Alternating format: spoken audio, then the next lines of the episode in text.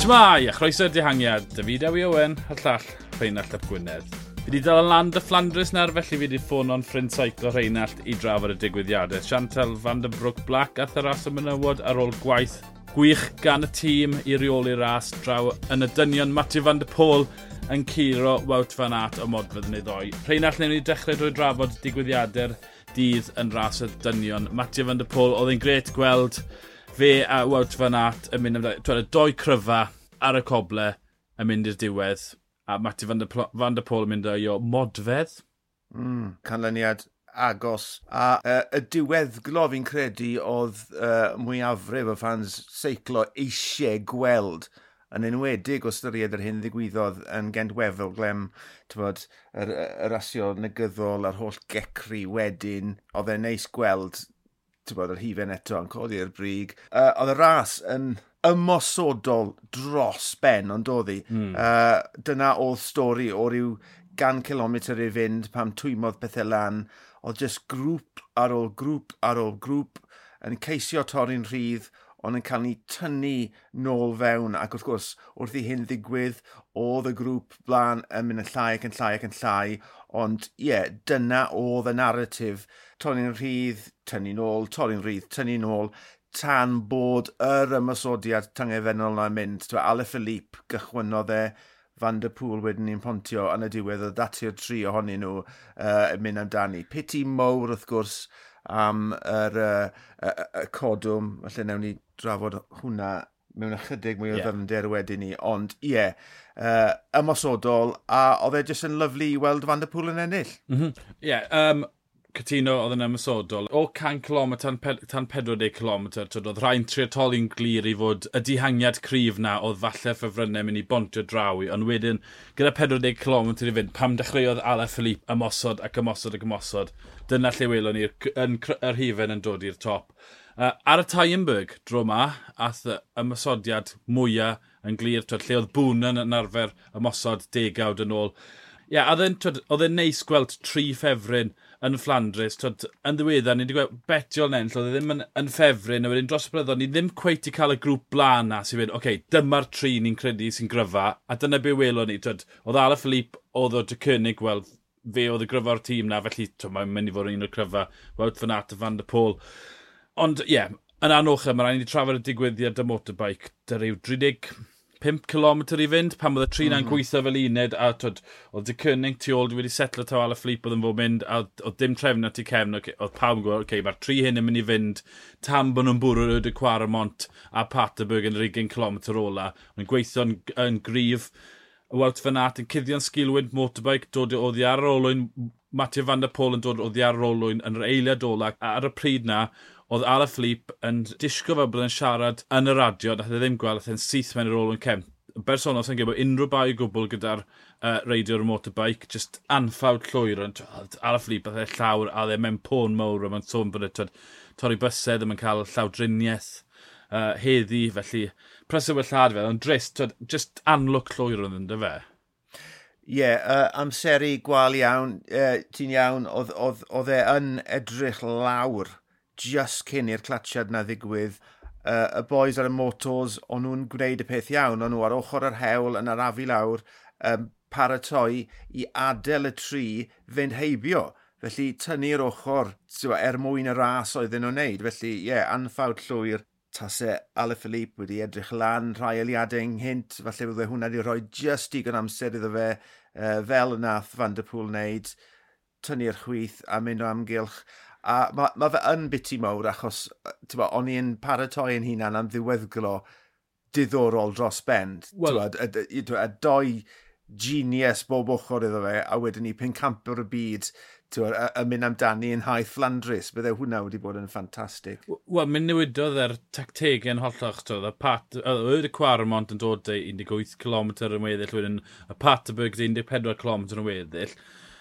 Matthew van der Pôl, Wout van Aert, bron o fod gwybwyr pyr yn ebyn Alaphilippe sy'n gyflym, ond mae'n lot o sgafnach, felly bydde Alaphilippe wedi cael ei orfodi i mosod ar y Cwarmont neu'r Paterberg i ceisio naddi glir. Alla fe ddim di aros dy'r ddoi na. Alla be welon ni oedd y ddoi na'n glir, a mi athyn nhw lan y Paterberg ar y Cwarmont fel uned. Nathyn nhw ddim yn mosod i gilydd, achos nhw'n... Wel, maen nhw wedi... Maen nhw wedi bod yn reidio i gilydd ers bod nhw'n deg mlynedd oed yn mynd trwy ta pob heinen o seiclo nes cyrraedd y, y, y, y heinen ucha yn Flandris. A wedi, tyd, felly oedd dim pwynt ymosod, ond nhw jyst yn claddu'r bobl tu cefn.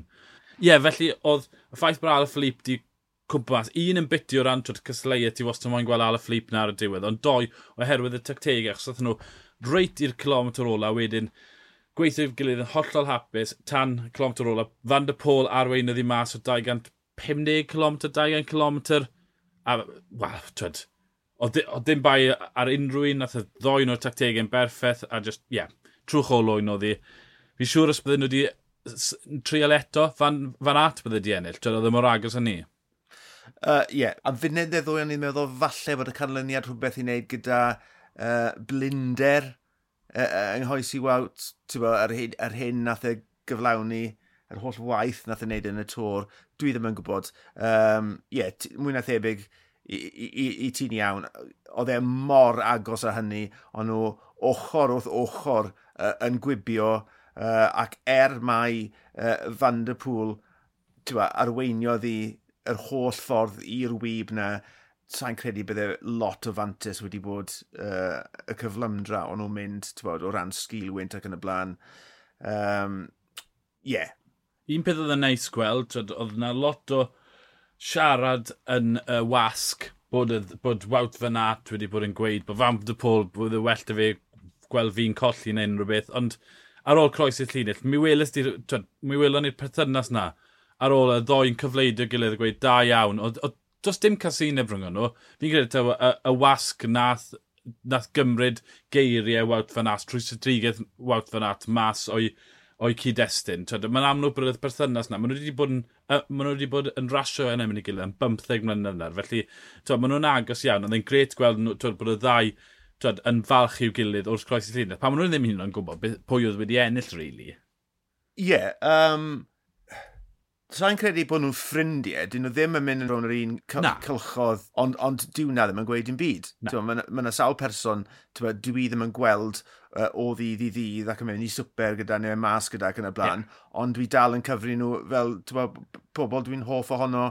Ti'n angen ti fod yn ffrindiau gorau er mwyn cael parch at rhywun mm -hmm. arall, basically. Yeah. Yeah. Um, o, oh, un, un pwynt arall cyn ni'n symud ymlaen i uh, ras y menywod, i'n darllen bore yma. Jumbo Fisma, tyd, mae gollon o'r Tôr y Ffrans cwpl yn ail a fel, o, oh, mae Gwendon tîm. I'n disgwyl ar record nhw yn y Monuments Leni, ennill Milan San Remo, ail yn Ilombardia, ennill Liege, ail yn Flandres. Tipyn o record yn dweud. Mae'n teg. Ie. Yeah. Um, yeah, maen nhw wedi cael tymor da.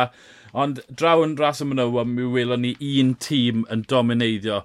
Bulls Dorman, Chantal van der Boek Black, a atho e hi ar ôl ymosod ar, ar gopa'r yd y Cwaramont pan oedd gweddill y ffefrynnau wedi blino'n lan a wedyn neb yn, yn gallu dilyn hi. Ond mi welon ni'r ras yn cael ei benderfynu yn yr 20 km gynt. Pan oedd pawb yn ceisio ymosod ac mi oedd na un o Bulls Dormans wastod yn ymateb na Chantal van der Bob Black ddim, ddim wneud unrhyw gwaith i tynnu bobl nôl. Ond twyd, yr, yr un pwysicodd, Animig Van Vluten, twyd, pencampwr Ewrop sydd wedi domineiddio am, trwy gydol y tymor yn ymosod gyda rhyw 30 km fynd, Anna van der Brecha pencampwr y byd, yn tynnu hi nôl na ar y bach, twyd, oedd e mor ar y, gymryd oedd e beth i 5 munud i cael y bwlch yna, a'r eilad at Van der Brecha nôl i'r ôl yn gwrthododd i weithio yna. A to hwnna'n gweud wrtho fi, wel, o, oh, mae Bulls Dormans yn mynd i... Mae un tactic sydd y Bulls Dormans, neb arall yn cael ei unrhyw beth. A ti'n gweld pwer tîm fyna, ond nhw wedi gweithio mor dda. O, a ond na ddim problem o gwbl gyda'r sefyllfa chwaith.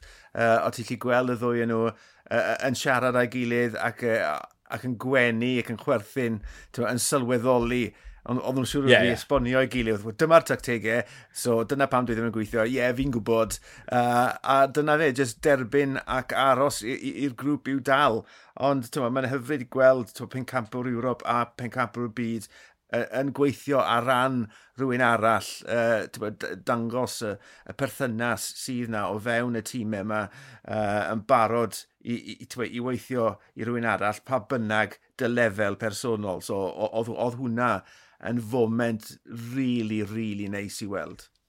Ie, yeah, ie, yeah, y gwein rhwng nhw, jyst oce, okay, digon teg, dyna'r tactegau, ond ie, yeah, Sianto van der Bont Black, to cyn Ben Camprog y byd, felly to mae'r safon na, ond ie, yeah, dyna beth yw Bulls Dormans, teams, to wyth, cryf, Dycynnig Quickstep, to yr un fath o beth y quick step, mae gymaint o opsiynau dyn nhw. Gret hefyd gweld Amy Peters yn cwpla yn ail, achos mae hi wedi, yn y deg uchaf yn gefel, fel gym Liege, mae hi wedi bod twyd, yn yn cwbl yn uchel yn y giro, mewn cymalau, a hefyd, twyd, y deg uchel yn pencampwriaeth Ewrop, a mae'n cwbl yn y safleoedd na, achos mae'n neud gymaint o waith i'r tîm. Jolyn Dora yn ennill gent fefelgem, oherwydd bod Amy Peters wedi cael y bylchau.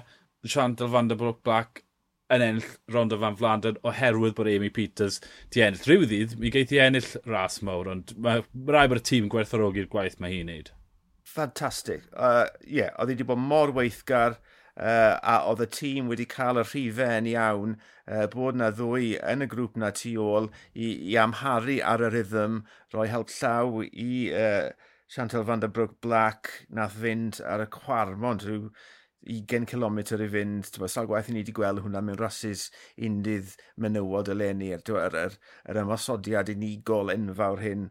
Uh, yeah, hyfryd. A oedd e yn sprint rili really dda fyd.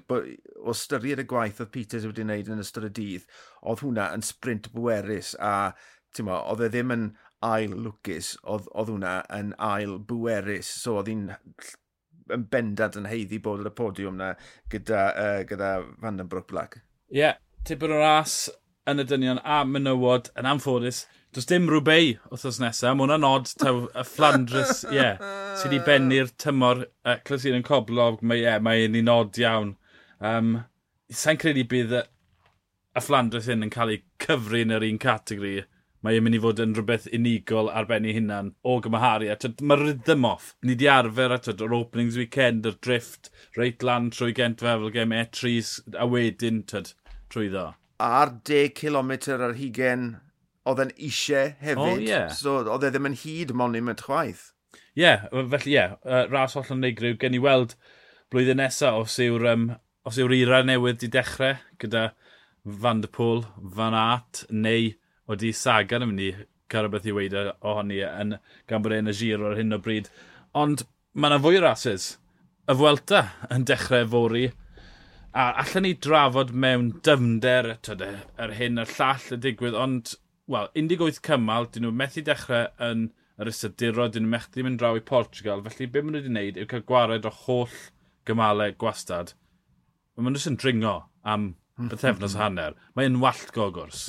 Ie, yeah, des i uh, cael cipol y cyflym fe ar um, cycling stage, a ti'n ti lli gweld natur pob cymal un wrth un mewn llinell, a just dau gymal glas, dau gymal fflat, a ni'n meddwl, oh, waw, mae'r tri cymal cynta yn dringo, mm. um, a twyd, gan bod y penwthos cynta ddim na, cymal 636 km dyr o Bisg a'r Tomalei, da'r Potolet, 136 km, mae hwnna'n mynd i fod yn ffrwydrol, mae yna ddringo bron o fod pob dydd wedyn ni, blaw mae tri dynod diwetha, um, maen nhw'n mynd lan uh, Angliru. O be fi'n deall, ar cymal 13 ras yn y cloc, mae yna raddiannau o 30 y cant yn y ddringfa ola. Mae'n ma, ma, ma, yn mynd yn sili blwyddyn hyn, ond twa, dwi e ddim gweith mor bell ar gweddill. Felly, twa, um, o ystyried faint o rasio ni wedi gweld yn y 80 dwrnod diwetha, falle bod e'n gret bod ni jyst yn cael dringo, dringo, dringo. Os dim eisiau hewlydd gwastad, na gyd sydd eisiau yw'r twyd, ymylysfwyd, y stwff fancy, dim y stwff i'r piwris. O ran ffefrynnau, Jumbo Fisma, Roglic, Dwmlan, am y cwsna fyd, felly y ffefru mowr yw un o tri o'r yna. Mae Carapaz na fyd, Vlasov, Izagire, Martinez, um, Pino, Trindod, Mofis a Troma, Mas, Falferde, Soler, Esteban Chavez, mae'n gwbl arall, ond ie, yeah, Jumbo Fidsma, ras nhw yw e golli, ond dyna bywyd o'n i am y Tŵr y Ffrans. Ie, yeah, a gyda natur, um, mae'n eitha, eitha eithafol yn diwer y sgiw i'r uh, dringwyr am reswm i ti wedi esbonio mae hon yn mynd i fod yn ddiddorol iawn. Ac wrth gwrs, yn mynd i ffafrio y dringwyr mwy pyr Ie, yeah, mae'n mynd i fod yn anodd iawn darogan uh, tactegau gyda gymaint o, o, o, o ddringo. Yn amlwg, bydd, bydd rhaid i fi cael cipolwg um, mwy manwl ar y cwrs, mm. ond... Ie, yeah, mae'n un diddorol iawn. E, ni wedi bod yn sôn am uh, dymor unigryw. Wel, mae hon yn mynd i fod yn, yn fwelta eitha unigryw hefyd. Ie, yeah, uh, dwi'n mylan a oglys i gweud yn barod bod nhw'n rhannu'r anweiniaeth nes bod yr, yr hewl yn penderfynu Pino. Does na ddim pedwaredd penwthnos i Pino. Felly mm. mae'r dibyn na mae'n cwmpo o, o ddiarno fel arfer yn y penwthnos ola, ddim na, felly mae mwy o beth dy fe.